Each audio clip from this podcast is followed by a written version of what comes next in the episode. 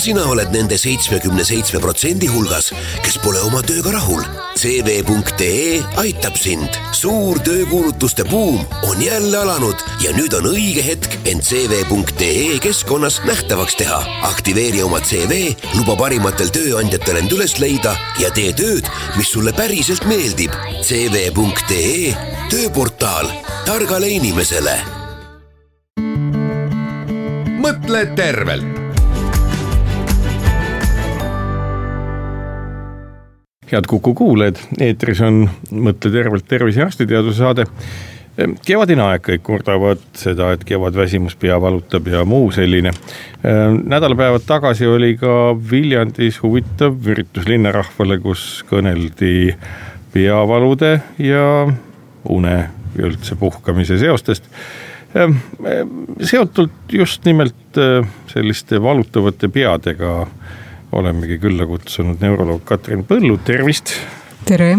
ja küsikski alguses seda, et kas neuroloogi poolt vaadates on kevad kuidagi selline aeg, kus patsientide hulka tuleb siis rohkem inimesi, kes kurdavad oma peavalu ja, ja hädasid või on valutavad pead, ükskõik millised nii-öelda need põhjused siis on aastaringselt ühetaoliselt esinevad hädad tõepoolest teatud osakaal, noh minu patsientidest ütleb küll, et neil peavalud, noh eeskätt aga migreen, migreeni tüüpi peavalud ägenevad just äh, kevaditi.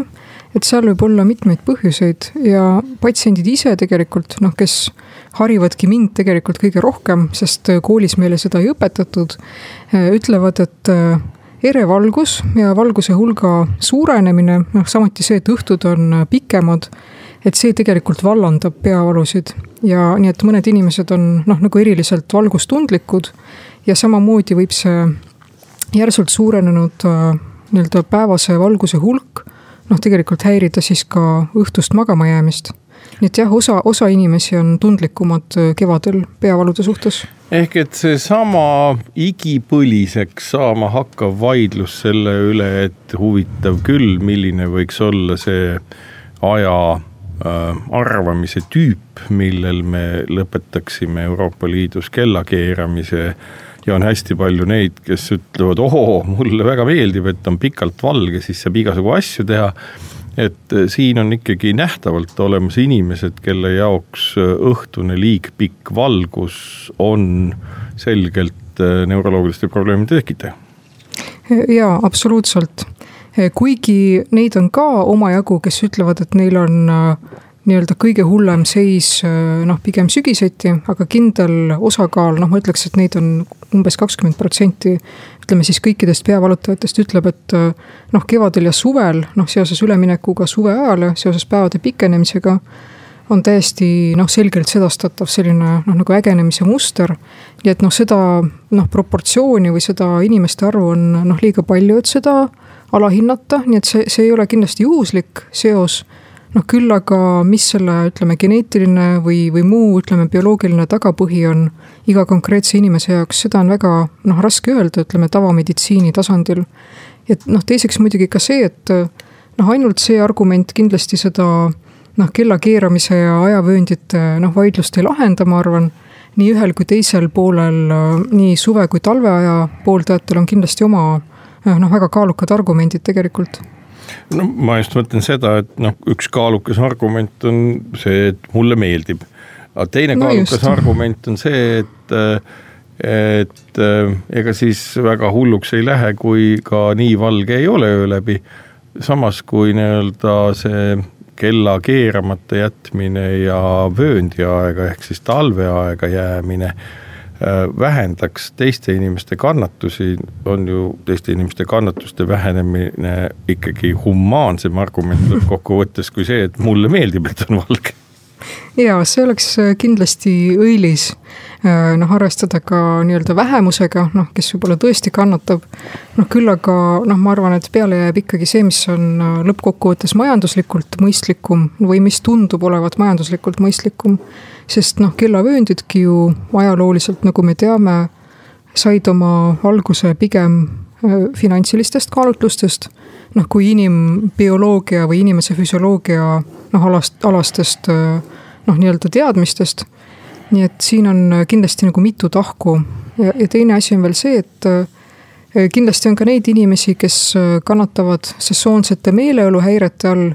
nii et mine nüüd võta kinni, kas see, kui ütleme siis suvel on natuke vähem valgust, noh, kas see võib jällegi teistpidi provotseerida nendel inimestel noh, seoses serotoniini ja melatoniini noh, tasakaalu häirumisega hoopiski meeleoluprobleeme? Nüüd ähm, jälle seda on väga raske tõesti ennustada või hinnata, aga noh, kui neid patsiente on ikkagi viiendik kõigist, kes kurdavad nii-öelda peavalu või lähedaste valude üle ja nende hulk kasvab suviti, siis ega ju ravimine ei ole ju ka tasuta, eks see ei ole ju ka märkimisväärne koormus ka haigekassale sellist inimest diagnoosida ja putitada.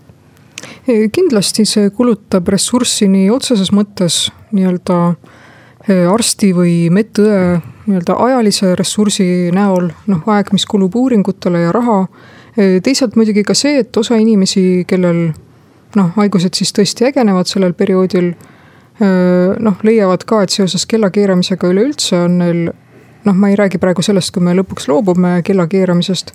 et praegu on ikkagi arvestatav protsent inimesi, noh ka need, kes peavalude all ei kannata noh, kannatavad ikkagi siis nii-öelda sellise noh, sotsiaalse ajavahe sündroomi all, mis, mis kella keeramisega kaasneb, et noh, ka nende hulk on umbes viiendik.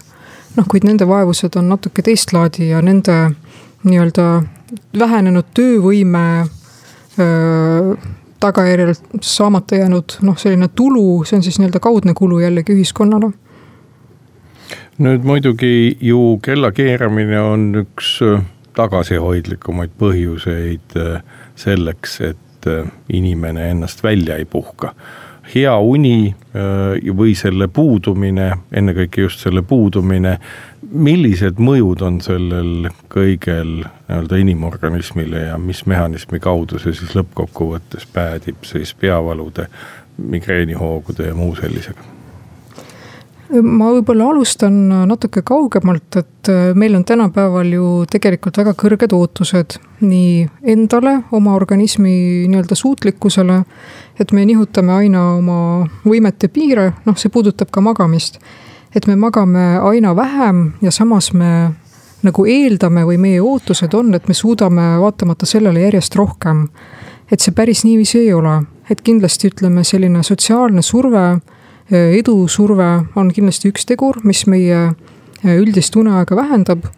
ja teine asi muidugi, mis äh, mõjutab kindlasti meie unekvaliteeti, on igasuguste noh, helendavate ekraanide rohkus meie ümber, mis kindlasti ka nii-öelda siis surub alla melatoniini produktsiooni või tootmist meie käbikehas. noh, mis peaks ju pimeduse saabumisega loomulikult tulema, kuid mida võib-olla ekraanide noh, helendamise tõttu siis õigel kellaajal ei saabu. ja mõned inimesed tõepoolest ongi väga tundlikud mis tahes äh, teguritele, mis killustavad või fragmenteerivad nende und, noh, olgu see siis liiga pindmine uni, noh sellest, et võib-olla oldigi lugenud hilja õhtul veel mingisuguseid uudiseid kuskilt nutiseadmest. või et töötati võib-olla hilise õhtutunnini, et selline siis nii-öelda sügava une osakaalu vähenemine või unenägudega noh, une osakaalu vähenemine. või ka näiteks õhtul tarbitud alkohol või kofeiin. E, kindlasti see võib provotseerida äh, nii peavalusid, noh kui üldist halba enesetunnet. ja noh, siin peakski eel, eelkõige äh, noh, vaatamagi üle nii-öelda selle eluviisi ja, ja oma ootused nii päevasele toimimisele kui, kui oma unele ja selle kvaliteedile.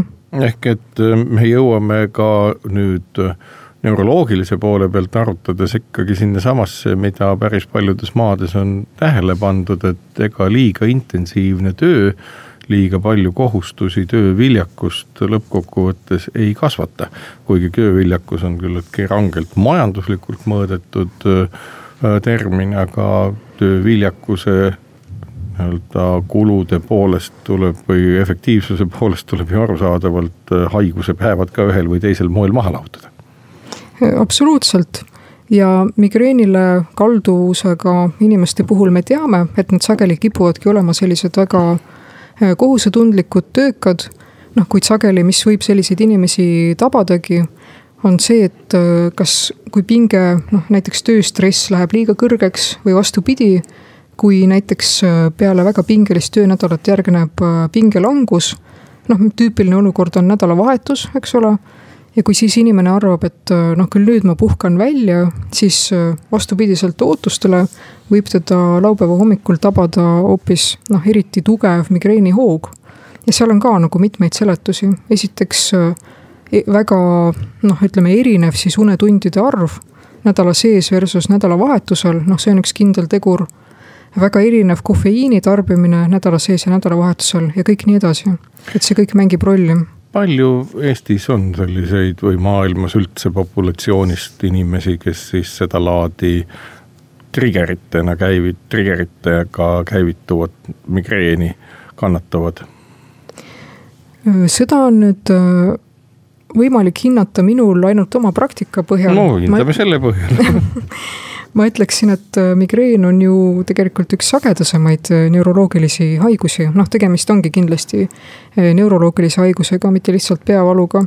ja väga sellised nagu üldised hinnangud migreeni levimusele on ju see, et seda võib esineda noh, kuskil seitsmel kuni kaheteistkümnel protsendil nii-öelda üldelanikkonnast.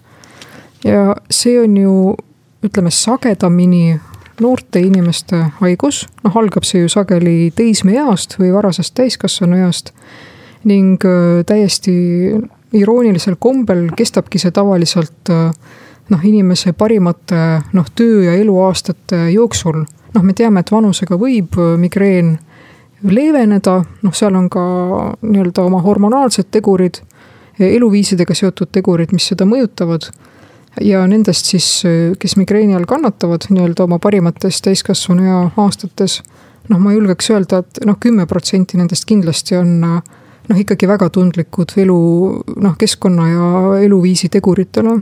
no neuroloogiaalaseid ja ajukeemiaalaseid uurimusi on tehtud väga palju, kas tänaseks hetkeks on ka migreeni vallandumismehhanismid ja võib-olla ka viisid, kuidas seda siis pärssida mingite ja. ravimitega jõudnud ka sinnamaani, et eh, noh, enamustel juhtudel on see hädahallatav kindlasti on äh, migreeni puhul olnud viimasel ajal väga suuri edasiminekuid seoses selle mehhanismide mõistmise ja ka vastavate nii-öelda ravimkandidaatide ja ravimite väljatöötamisega, sest kui me teata, teame migreeni tekke mm, nii-öelda mehhanisme, siis me oskame ju ka paremini disainida äh, ravimeid või ravimeetodeid, noh, mis nendele siis äh, haiguslikele faktoritele, mis on migreenile spetsiifilised, mõjuvad. nii et vanasti siis oli see teadmine migreeni kohta, et migreeni ataki ajal veresooned laienevad ja pulseerivad. nii et valdav selline uskumus oli see, et see on üks veresoontega seotud haigus. ega see ei olegi lõpuni valeks tunnistatud, noh, tänapäeval me lihtsalt teame et suuresti on migreeni põhjused geenides, nii et see on ikkagi väga geneetilise tagapõhjaga probleem. noh, sageli, kui me küsime patsientide käest, et kas teil on olnud ka no ütleme, suguvõsas kellelgi ka sarnast probleemi, üsna sageli tuleb sealt vastuseks jah, et juba mu emal, vanaemal ja nii edasi on sarnaseid peavalusid olnud, sarnast halba enesetunnet episooditi ja, ja teiseks põhjuseks, nagu me tänapäeval teame, noh lisaks üldisele geneetilisele riskile on ikkagi see, et noh, migreeni hoo ajal ongi ikkagi närvirakkude noh, nii-öelda siis aktiivsuse muutus ajukoores mis kogu seda nii-öelda sümptomite plejaadi juhib, sest noh, tegemist on ju noh, probleemiga, mis on laiem kui, kui ainult peavalu, võib ju kaasneda iiveldus, oksendamine, valguskartus, isegi ühe keha poole noh, ajutine tuimus ja nii edasi nii et äh, noh, ravimite seisukohalt on ka asjad kindlasti paremaks läinud, kui, kui varasemalt me ütlesime. või noh, arstid ütlesid migreeni all kannatajatele, et noh, kui pea valutab, siis tuleb rohtu võtta ja paljud inimesed on seda ka kuulekalt teinud aastaid-aastakümneid. siis tänapäevased, ütleme noh, ravi ja ennetusvõimalused on ikkagi väga laias variatsioonis kättesaadavad, alates suukaudsetest, noh tablettravist Äh, botuliinitoksiini süstideni ja monoklonaalsete antikehadeni välja, nii et suisa kas bioloogiline botuliin ravi... toimib siis samamoodi, et ta neid närvilõpmeid, mis tekitavad sellist äh, ma ei kujutagi ette, siis veresoonte pulsatsiooni kuidagimoodi pärsib samal moel nagu silutakse nägugi või? jah, botuliinitoksiini terapeutiline toime peavalude mm, ennetuses avastatigi juhuslikult. see oli kuskil möödunud sajandi kaheksakümnendatel aastatel, noh kui botuliin oli juba laiemalt kosmeetikatööstusesse jõudnud jõuti selgusele, et noh, inimestel, kes olid siis läbinud kosmeetilised protseduurid, mõnedel nendest spontaanselt vähenes ka peavalude sagedus. et seda täpset mehhanismi tol ajal kindlasti ei teatud. noh, tänapäeval me teame, et kuigi noh, botuliinisüste migreeni korral tehakse nii-öelda ennetavalt, noh ägeda peavalu puhul botuliin kindlasti ei aita. Ja need süstid lähevad siis nii-öelda pea ja kaela ning õlavöötme lihastesse. nüüd esialgne idee oli see, et botuliin toimibki ainult seal, kuhu teda manustatakse, ehk siis nendes lihastes. noh, mis siis nii-öelda lõõgastuvad ja ilmselt siis vähem vahendavad ka valuaistinguid aiu. ilmselt siiski osa mm,, osa botuliini toimest äh, leiab aset siiski nii-öelda ajus endas, noh valuimpulsse noh, töötlevates ajukeskustes nii et äh, sellisel moel öö, saab toime ja kuidas on, toimivad needsamad monokloonsed antikehad, mida me teame, et kasutatakse tänasel päeval väga laialt erinevate haiguste ravil, ka vähi ja muu sellise. et äh, kas see tähendab ka seda, et meil on siis ühel või teisel moel migreenid seotud ka immuunsüsteemiga? mõnes mõttes küll, et neuroimmunoloogia on kindlasti väga õitsev valdkond ka tänapäeval Äh, migreeni puhul küll äh, noh, kindlalt sellist immuunsüsteemi noh, patoloogiat me ei tea, et oleks. seal on küll tegemist sellega, et need äh, mm, monoklonaalsed antikehad toimivad siis ise sellisel immuunvahendatult mehhanismil, kuna nad on disainitud või tehtud, noh migreeni puhul konkreetselt siis ühe sellise kindla kehaomase noh, väikese molekuli vastu, mille nimeks on CGRP peptiid, see on siis selline valguline väike molekul, millel arvatakse olevat äh, kindel roll migreeni puhul siis äh, äh, valuaistingute tekitamisel. siinkohal teeme saatesse väikese pausi. mõtle tervelt head kuulajad, Mõtle tervelt saade Kuku raadios jätkub. külas neuroloog Katrin Põld, mina saatejuht Marek Strandberg, räägime peavaludest, puhkamisest, migreenist ja kõigest muust. ja, ja ma saangi aru, et kui inimene on siis nendesamade monokloonsete antikehadega nagu küllastatud äh,. esimene küsimus on see, et, et kas see, see valk, millest juttu oli, mis migreeni puhul rolli omab, et kas ta on nii organismi omane, et oma immuunsüsteem sellega üldse toime ei tule, vaatamata valuaistingule ja kõigele muule? no vot, ülikoolis meid ju õpetati ka, et ega loodus pole rumal ja kindlasti ta seda ei ole. sellepärast, et noh, kõik kehaomased molekulid on ju millekski vajalikud. see, et nad teatud geneetilise eelsoodumusega noh, inimestel mängivad rolli nii-öelda noh, teatud valusündroomide tekkes. noh, mõnes mõttes see on nagu bioloogiline paratamatus. et noh, tõsi küll, jah, tänapäevase ravimtööstusega on võimalik seda noh, nii-öelda reguleerida.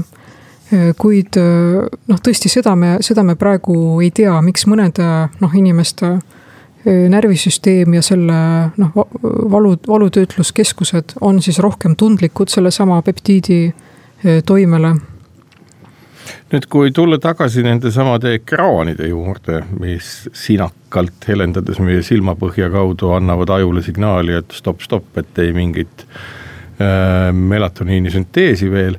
Kas seal on küsimus ka valgusspektris, et kas seal on nii, et kui see on vähegi punasemasse suunda nihutatud, et siis nende valguskvantide mõju silma ja aju kaudu on kuidagi melatoniini sünteesi toetavam või seal on lihtsalt küsimus valguses kui sellises silmapõhjas?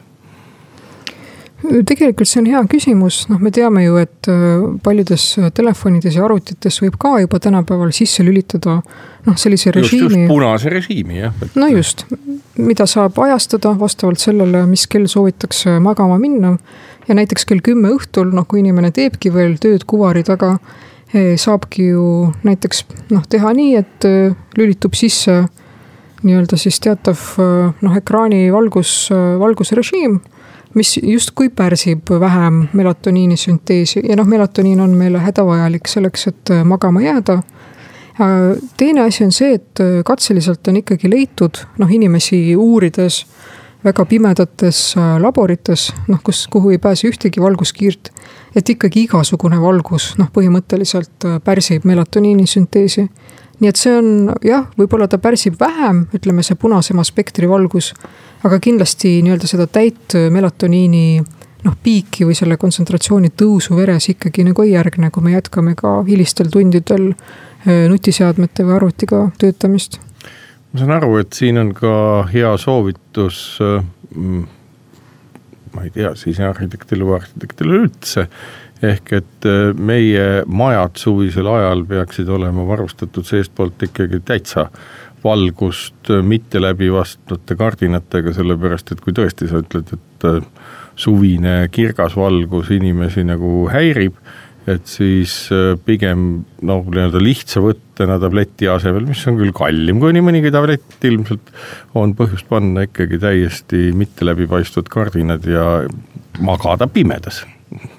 absoluutselt, seda siis mitte ainult äh, nii-öelda elumajade äh, disaineritele või arhitektidele peaks noh südamele panema, vaid ka näiteks noh haiglate noh, koolide ja nii edasi, et disainimisel peaks nagu silmas pidama et mis kell ikkagi missugust noh, loomulikku valgust aknast sisse tuleb ja kas seda on vaja mingil põhjusel noh, filtreerida näiteks või, või, või suunata, et see võib omada ikkagi küllalt suurt mõju inimese töövõimele ehk et seesama ettekujutus, et ööpäevaringselt valguse saamine, see on kuidagi hea või enamgi veel parandab töövõimet ja võimaldab meil pikalt mingeid tekste ja arvutusi teha et arsti poolt vaadates on see ikkagi organismi koormav, kurnav ja lõppkokkuvõttes väsitav.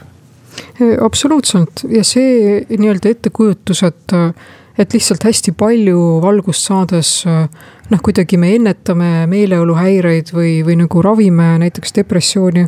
et seda on ka nagu naiivne arvata, et noh, tõepoolest, et osa nii-öelda sessoonse depressiooni all kannatajaid on tõesti tundlikumad vähese valguse suhtes. aga seal ju ütleme, valgusteraapia kui sellise puhul noh, kasutatakse ka ikkagi ainult noh, kindlate terapeutiliste seadmete poolt antavat noh, kindlal laine pikkusel ikkagi valgust, noh mitte suvalist lambivalgust, eks ole.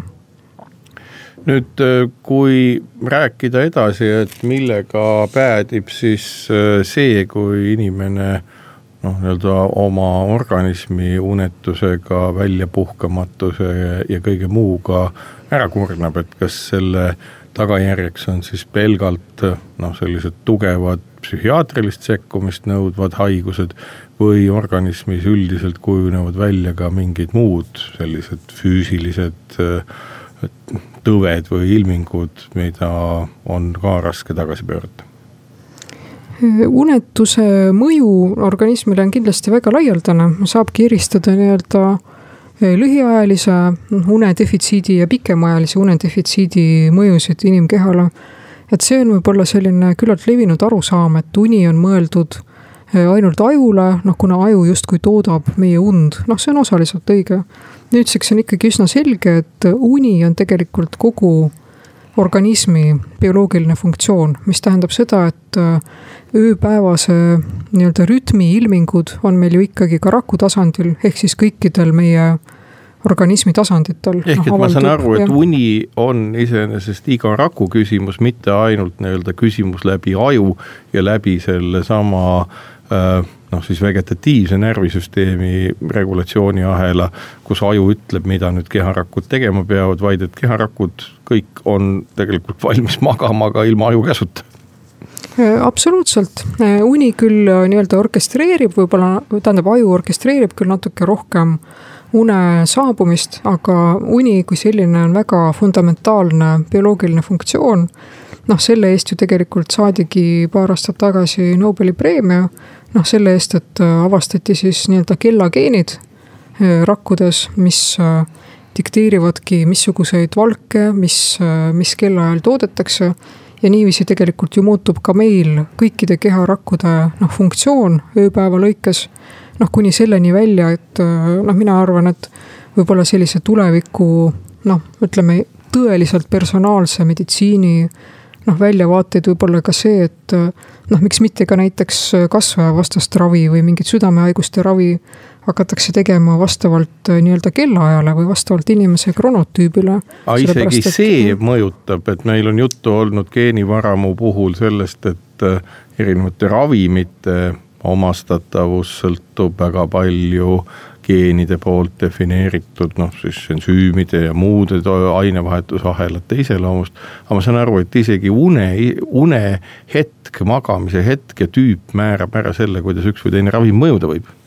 absoluutselt, meie ööpäeva noh, tsükkel mõjutab väga palju seda, kuidas me noh, mismoodi meil haigused avalduvad, see on muidugi esimene punkt, aga ka mismoodi me reageerime sellele ravile, mida noh, mida meil vaja on, et see noh, praegusel hetkel veel kindlasti ei osata noh, hinnata seda, kui suur siis selle efekti noh, mõju võib olla, aga ma arvan, et see ongi nii-öelda selline tulevikusuund, noh, mis aitab veelgi siis nii-öelda rohkem personaalseid noh, lahendusi siis anda inimestele, noh tuginedes jällegi nende geneetilisele infole, sellepärast et see, kuidas me magame, meie kronotüüp, see on ka üks geneetiline omadus tegelikult, et siin, siin ka nagu ei maksa tegeleda noh, enesepettusega. justkui me saaks kuidagi muuta seda noh, unevajadust näiteks või seda ööpäeva faasi, milles me magame. hüppan selle teema peale, et äh, on kuulda, lugeda olnud inimestest, kes üldse ei uinugi ähm, ma ei tea, kas äh, meditsiinikirjanduses või kusagil selliseid käsitletakse detailsemalt, aga et mis võib sellise inimesega siis olla ja toimuda, kellel und ei olegi, kes on kogu aeg üleval? no kindlasti see on haiguslik seisund ja noh, see võib olla põhjustatud kas noh, mingist neuroloogilisest patoloogiast. noh, me teame, et on selliseid harva esinevaid, õnneks väga harva esinevaid sündroome. noh, tõepoolest, mis võivadki lõppeda lõppkokkuvõttes surmaga noh, teine probleem võibki olla siis nii-öelda äge täielik unetus, noh, mingisuguse elustressi foonil. ega noh, siis kui inimene ei maga võib-olla kaks ööpäeva, noh, tõenäoliselt ei juhtu noh, midagi hullu. kui aga ütleme, unedefitsiit on sellisem pikemaajalisem ja, ja võib-olla ka hiilivam natuke, sellepärast et äh, ei pea ju olema täielikku unedefitsiiti et see hakkaks mõjutama meie närvisüsteemi, immuunsüsteemi, eh, ainevahetust, eh, erinevaid sisenõrenäärmeid ja nii edasi.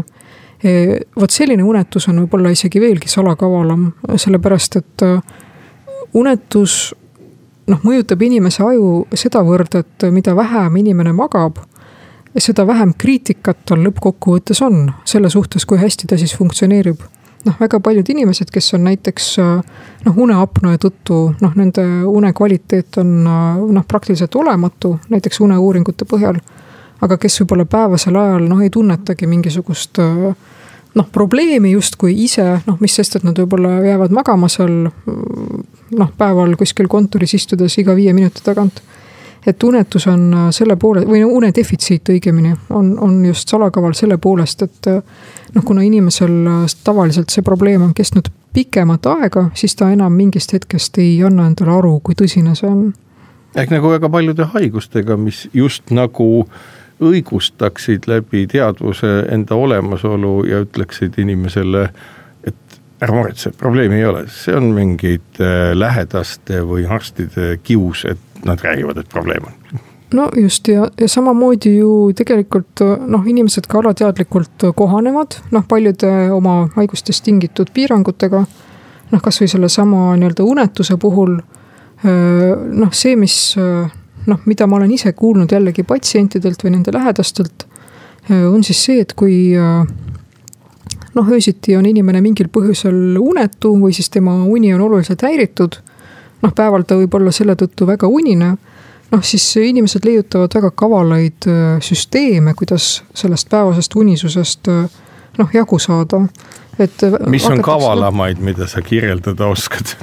no tegelikult see ei ole isegi mitte niivõrd kaval, kui, kui masendavalt levinud, noh see, et inimesed siis pigem lihtsalt ei, ei osalegi mingitel sotsiaalsetel üritustel, noh ei käigi väljas sest nad kardavad häbisse jääda, noh oma unisuse pärast või, või vähese seltskondlikkuse pärast.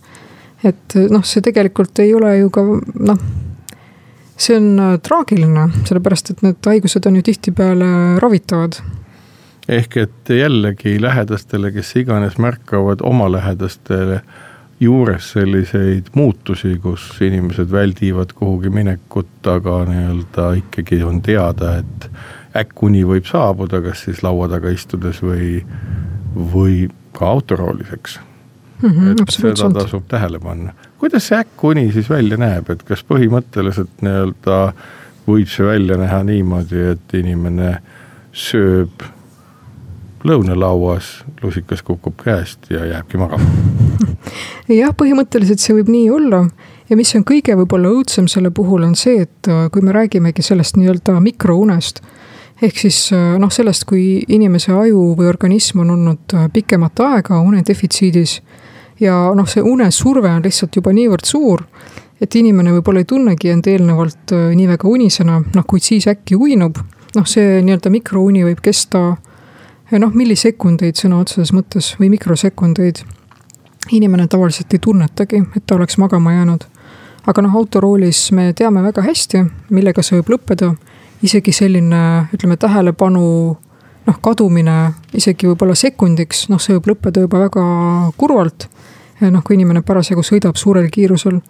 et see, seda on jah katseliselt näidatud, et kui noh, inimene on siis tõsises sügava, sügavas unedefitsiidis ja talle näidatakse ka ütleme mingit sellist nagu vilkuvat valgust, noh, küllalt monotoonselt. siis on näha, et noh, nendel momentidel, kui inimese aju magab, siis ta pärast lihtsalt äh, raporteerib, et ega ta ei näinudki sellel momendil mingit valgust, noh, ta oli küll ärkvel, aga tema küll midagi ei näinud sellel hetkel. nii et äh, ja veel üks huvitav noh, fenomen, mis võib olla sellise nagu mikrounega, on see, et äh, võibki tekkida nii-öelda selline noh, hallutsinatsioonide laadne seisund, kus noh, nii-öelda unenäod hakkavadki tungima noh, siis nii-öelda ärkvelolekusse et see on ka üks äh, selline nagu pika ja tõsise unedefitsiidi tunnus. siinkohal teeme saatesse väikese pausi. mõtle tervelt head kuulajad, Kukus Mõtle tervelt tervise arstiteadussaade jätkub. neuroloog Katrin Põld külas, mina saatejuht Marek Sandberg, rääkisime peavaludest, unisusest ja kõigest muust sinna juurde kuuluvast Ehm, ma saangi aru, et äh, see probleem, millega sotsiaalselt me äh, natuke nagu ja arstid ka sealhulgas võitlevad või tegelevad, ongi asjaolu, et äh, see edumüüt on seotud sellega, et ole võimalikult pikalt üleval, tööta kogu aeg ja nii edasi, nii edasi.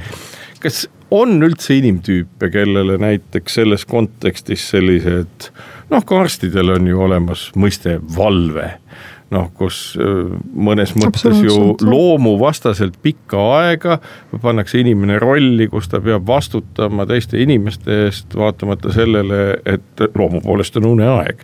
et kas selliste tööde möödapääsmatus, noh, ütleme ikkagi rahuajal on üldse kuidagi põhjendatud, kas, kas meditsiinisüsteemis või noh, mis iganes muus kohas, kas see, et inimene peab noh, kakskümmend neli tundi järjest olema valvel mingit ülesannet täitmas, kas see saab kuidagi nende ülesannete täitmise tõhususega seotud olla?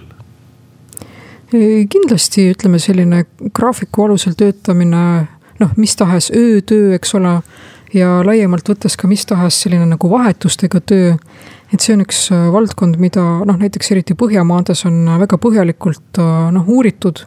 just nimelt seoses sellega, et kas see on, kuidas see mõjutab inimese nii-öelda tootlikkust, noh, füsioloogilisi parameetreid ja missugust kaugmõju see võib omada inimese tervisele no ütleme, selline arstivalve ei ole võib-olla kõige drastilisem näide veel. noh, arstide või medõdede valved on reeglina kas kaheteisttunnised või kahekümne nelja tunnised. et noh, tõepoolest, kuigi noh, medtöötaja oma postilt äh, lahkuda ei saa. et äh, noh, kogu valve tavaliselt ei ole ühtlase intensiivsusega. ja noh, samal ajal, eks ole, on ju ka selliseid äh, valvetööga seotud töökohti nagu näiteks mingisugune nafta puurimine kuskil keset merd. noh, kus sul ei olegi võib-olla tõesti kuskile minna sõna otseses mõttes. et seda on hästi palju uuritud, missuguse optimaalse kestusega peaks olema noh, nii-öelda valve, et see mõjutaks äh, inimorganismi äh, võimalikult vähe. ja, ja ongi leitud, et see on ikkagi kuskil kaheksa kuni kaksteist tundi on tegelikult äh, noh, ütleme selline maksimum. ja sealt edasi läheb juba risk selle peale, et soorituse täpsus, efektiivsus, majanduslik tulu hakkavad langema no just, või siis noh, saab teha ju ka pikemaid valveid, nagu me teame. Aga tegelikult sellele peab siis järgnema oluliselt pikem taastumisperiood kui ainult üks ööpäev. et siis sellel on nii-öelda oma hind igas mõttes nii füsioloogilises kui, kui võib-olla rahalises, sest noh, järgmine, järgmised kolm päeva näiteks. see inimene, kes on noh, valvanud üle kahekümne nelja tunni, noh lihtsalt töötada ei saa. no selliseid aga... olukordi on endalgi ette tulnud, kui peab, aga noh, need ei ole regulaarsed ja siis sinu väidetud jah, kaks-kolm ööpäeva sellist zombistunud olekut on paratamatu kaasa pannud tõepoolest just, huvitav on ka see, et äh, on leitud näiteks, et äh, kuuetunnised valvetsüklid ei ole ka head. sest ilmselt on see kuidagi seotud inimese äh, nii-öelda unefaaside või unetsüklite kestusega. päris täit selgust seal ei ole, aga vot millegipärast on siis selgunud, et kuuetunnised noh, nii-öelda siis valveperioodid ei, ei ole ka nagu füsioloogilised inimesele mis lood on laste ja teismelistega, kogu selle mainisid just, et teismelistel hakkavad pääle juba need erinevat sorti, sealhulgas migreensed peavalud. et ähm, ma saan aru, et teismelise eas toimubki siis nii-öelda küpsemine täiskasvanuks kogu selle geneetilise potentsiaaliga, mis inimesel olemas on. ja need on ka esimesed hetked, kui siis äh, sellised peavaluilmingud hakkavad. kas, äh, küsime nii, et kas nii-öelda on aimata või teada võtteid, milline peaks olema teismelise keskkond, noh koolimineku ajad ja muud sellised, et seda migreensust ja valutavat pead, kas üldse nii-öelda ajas edasi lükata või sootuks vältida? noh, siin ei olegi tegelikult midagi aimata, see on kõik päris hästi teada. et noh, nii-öelda uneaja manipuleerimisega noh, saab saavutada teinekord päris imetabaseid tulemusi aga noh, nagu me teame, siis äh, teismeiga on üks ka väga habras ja haavatav iga, kus äh, ütleme siis eakaaslaste surve ja nii edasi. et see võib äh, noh, oluliselt ka nagu mõjutada inimese eluviisi valikuid. noh, füsioloogiliselt on ju teismeiga ja noorem täiskasvanu iga see aeg, kus noh, unefaas nihkub siis nii-öelda hilisemaks. et noortel on tendents minna magama hiljem, noh kuskil kella kaheteist paiku näiteks. ja füsioloogiliselt siis noh, võib nende uni kesta, ütleme siis noh, kaheksa-üheksani hommikul. aga nagu me teame, siin ongi siis vastuolu noh, sellega, mis kell koolitunnid või ka loengud ülikoolis algavad, et tavaliselt see on ju kell kaheksa. et on tehtud ka vastavasuunalisi äh, katseid. Ühendriikides näiteks äh, on leitud, et äh, ainus tegur, mis suurendab nii-öelda õpp-, õppe tulemuslikkust, õppeviljakust, noh koolides ongi siis õppetöö algusaja nihutamine hilisemaks. no me oleme ju mõnes mõttes täiesti tsiviliseeritud ühiskond, see on täitsa tsiviliseeritud teaduslik teadmine. ma mõtlen just, mis, mis on see mehhanism, mis väldib sellise lihtsa teadmise kasutussevõttu, mille administratiivne korraldamine on ju ülilihtne, siin ei ole isegi midagi lähedast sellega, et äh, kui keeruline võiks olla eestlase kuule või marsile viimine, et see on ju noh, nii-öelda tekstülesanne oma kõige lihtsamas vormis, milline on järeldus, nihutada kooli algusaega. miks seda ei ole sündinud? noh, kindlasti seal on oma jällegi majanduslikud ja ühiskonnast tingitud põhjused, sest noh, kui sa mõtled, siis kogu ülejäänud äh, sootsium noh, funktsioneerib ju ikkagi oma tavapärases rütmis, olenemata sellest, kas me nihutame laste koolitundide algust edasi või mitte. et siis tekivadki probleemid, et äh, kuidas need lapsed siis äh, noh, kooli saavad, eks ole. kui võib-olla siis äh, noh, mis iganes koolibuss või ka lapsevanem noh, peab näiteks tööle jõudma juba kella kaheksaks noh, kogu ülejäänud transpordivahendid, eks ole, kogu ülejäänud asutused noh, justkui peaksid siis ka hakkama funktsioneerima samas rütmis. see kostuks isegi on... loomulikuna, sellepärast et ju mis meie ühiskonna nii-öelda põhiseaduseski toodud eesmärk on, on ikkagi rahvuse kultuuri püsimine, mitte selle hävitamine erineval moel. ja tõepoolest nii-öelda võib-olla isegi enam kui, kui äh, äh, taevasse raketina lastud sündivusnäitaja on ju see, kui inimene on terve ja terve mõistuse juures ja seda võimalikult pikka aega, on ju see palju parem indikaator ja võimalus nii-öelda rahvust ja kultuuri säilitada. No, absoluutselt, aga noh, kindlasti on ka arvestatav osakaal inimesi, kes noh, ma olen isiklikult näinud selliseid patsiente, kes ütlevad, et et mis te jokutate siin oma kella kaheksa ja üheksaga, noh, minule sobiks, kui kõik ametiasutused, asutused alustaksid tööd kell seitse et neid ei ole mitte väike protsent, et kuidas siis nendega, noh siis neid me ju diskrimineeriksime oma, omakorda. aga ma saangi aru, et need ongi erinevat tüüpi inimesed, kellel ongi erinev päevarütm ka selle üldise füsioloogia baasil, et äh, osad ongi vara magama ja vara üles ja teised hilja magama ja hiljem üles, et need nii-öelda kaks tüüpi eksisteerivad ühiskonnas niikuinii. Absoluutselt, lihtsalt mingil põhjusel on emake loodus teinud nii, et neid äh, varaselt ärkajaid on rohkem. ja see on täiesti geneetiline nii-öelda omadus, mis on meile kaasa antud looduse poolt, noh, me ei saa seda muuta. ja kindlasti ongi inimesi, kelle jaoks ka seesama öövalve näiteks noh, ei ole mingi probleem, noh, kes füsioloogiliselt lihtsalt vajavadki võib-olla viis tundi und ainult ööpäevas, noh, sest ma näen ka oma kolleegide pealt, noh, kes, kelle hulgas on ka suhteliselt juba nagu küpsemas keskeas inimesi, ütleme nii, kes on eluaeg teinud valvetööd ja mitte mingeid probleeme tervisega ei ole see neile põhjustanud no ma pean ka enda puhul ütlema, et mul on pigem raske pikalt magada, kui, kui, äh, kui äh, mitte.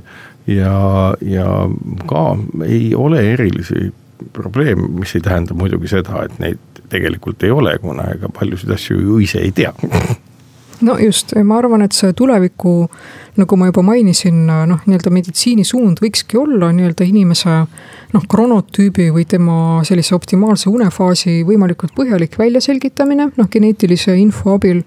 ja vastavalt sellele talle siis nii-öelda sellise maksimaalselt tõhusa noh, tööpäeva või siis nii-öelda ööpäeva rütmi noh, disainimine tema bioloogilisele informatsioonile tuginedes ja see on tänasel hetkel nii teoorias kui praktikas iseenesest võimalik äh, hetkeliselt. See on võimalik, kas hetkeliselt, äh, seal on teatavaid äh, noh, mõõtmisi ja analüüse vaja teha, noh küll, aga see on küllalt kulukas. kas, ma mõtlen seda, et seesama kroonotüübist lähtuv siis ravitsemine erinevate meetodite ja medikamentidega. et kas see ju ei puuduta ainult mitte peavalusid, see puudutab ju kogu organismi talitlust, millal administreerida just õige ravim sisse, et selle mõju oleks kõige suurem. see ei puuduta ka, ma saan aru, mitte ainult vähiravi, vaid üldse kõiki, kõiki kemikaale, mida organism nii-öelda väljapoolt võtab. absoluutselt, kõige lihtsam näide siinkohal on äh, näiteks äh, vere, kõrgvererõhktõve ravimid, mida reeglina ju võetaksegi sisse hommikutundidel, kuna noh, me lihtsalt teame, meil on empiiriline teadmine ja see põhineb ka füsioloogilistel parameetritel, et hommikutundidel või isegi hommikupoole ööd, noh, ongi lihtsalt meil vererõhk kõige kõrgem. on see õigustatud, selline sissevõtmine? kindlasti. nüüd äh, sealt edasi veel lühike ekskurss ju sellesse valdkonda, milleks on toitumine, söömine ja üleüldse kogu toidu ja selle omastamise ja põletamisega seonduv. kas siin on ka sama lugu, et äh, kronotüüp määrab ära selle, milline noh, siis võiks olla söömise rütm, et äh, äh, võimalikult vähe energiat üle jääks ja seda ei tuleks siis erinevates treeningsaalides põletada Äh, absoluutselt, et äh, kroonotüübil põhinev toitumine on ka selline tõusev trend. ja tegelikult me peamegi ju seda ka igapäevaselt äh, noh, arvestama kasvõi seoses noh, sellega, et inimeste reisimine on ikkagi pretsedenditult noh, sage, noh, mis ületab, eks ole, ajavööndeid nii et inimesed ja ka ütleme, kogu see kellakeeramine ja noh, sotsiaalsetest kohustustest tingitud võib-olla ärkvelolek, et me peame kogu aeg tegelikult arvestama sellega noh, kunas me sööme, noh, kui palju me sööme, noh, mida me sööme, see on muidugi veel omaette teema. et väga palju tegelikult saab mõjutada ka oma nii-öelda bioloogilist kella nii-öelda siis kõhu kaudu piltlikult öeldes. seda ju soovitataksegi ka nii-öelda ajavahesündroomi puhul, kui me oleme reisinud üle mitme ajavööndi, soovitataksegi noh, esmajärjekorras muidugi punkt üks minna noh, päikse kätte, kui võimalik, et sünkroniseerida oma sisemine kell siis kohaliku ajaga. ja teine soovitus? ja teine soovitus on siis viia sisse väga noh, regulaarsed nii-öelda söömise kellaajad vastavalt sellele siis, kuidas noh, sellel maal, kuhu me reisinud oleme, need kellaajad on. ehk et need ongi kaks hooba, millega lihtsaimal moel üle saada ajavahesündroomist. väga lihtsalt. aitäh, Katrin Põld tulemast Mõtle tervelt saatesse rääkima peavalust, neuroloogiast ehm, ja kõigest, mis seotud une ja unerütmiga. mina olen saatejuht Marek Strandberg, mõelge siis tervelt, olge terved ja kuulake meid jälle täpselt nädala pärast, head päeva! Mõtle tervelt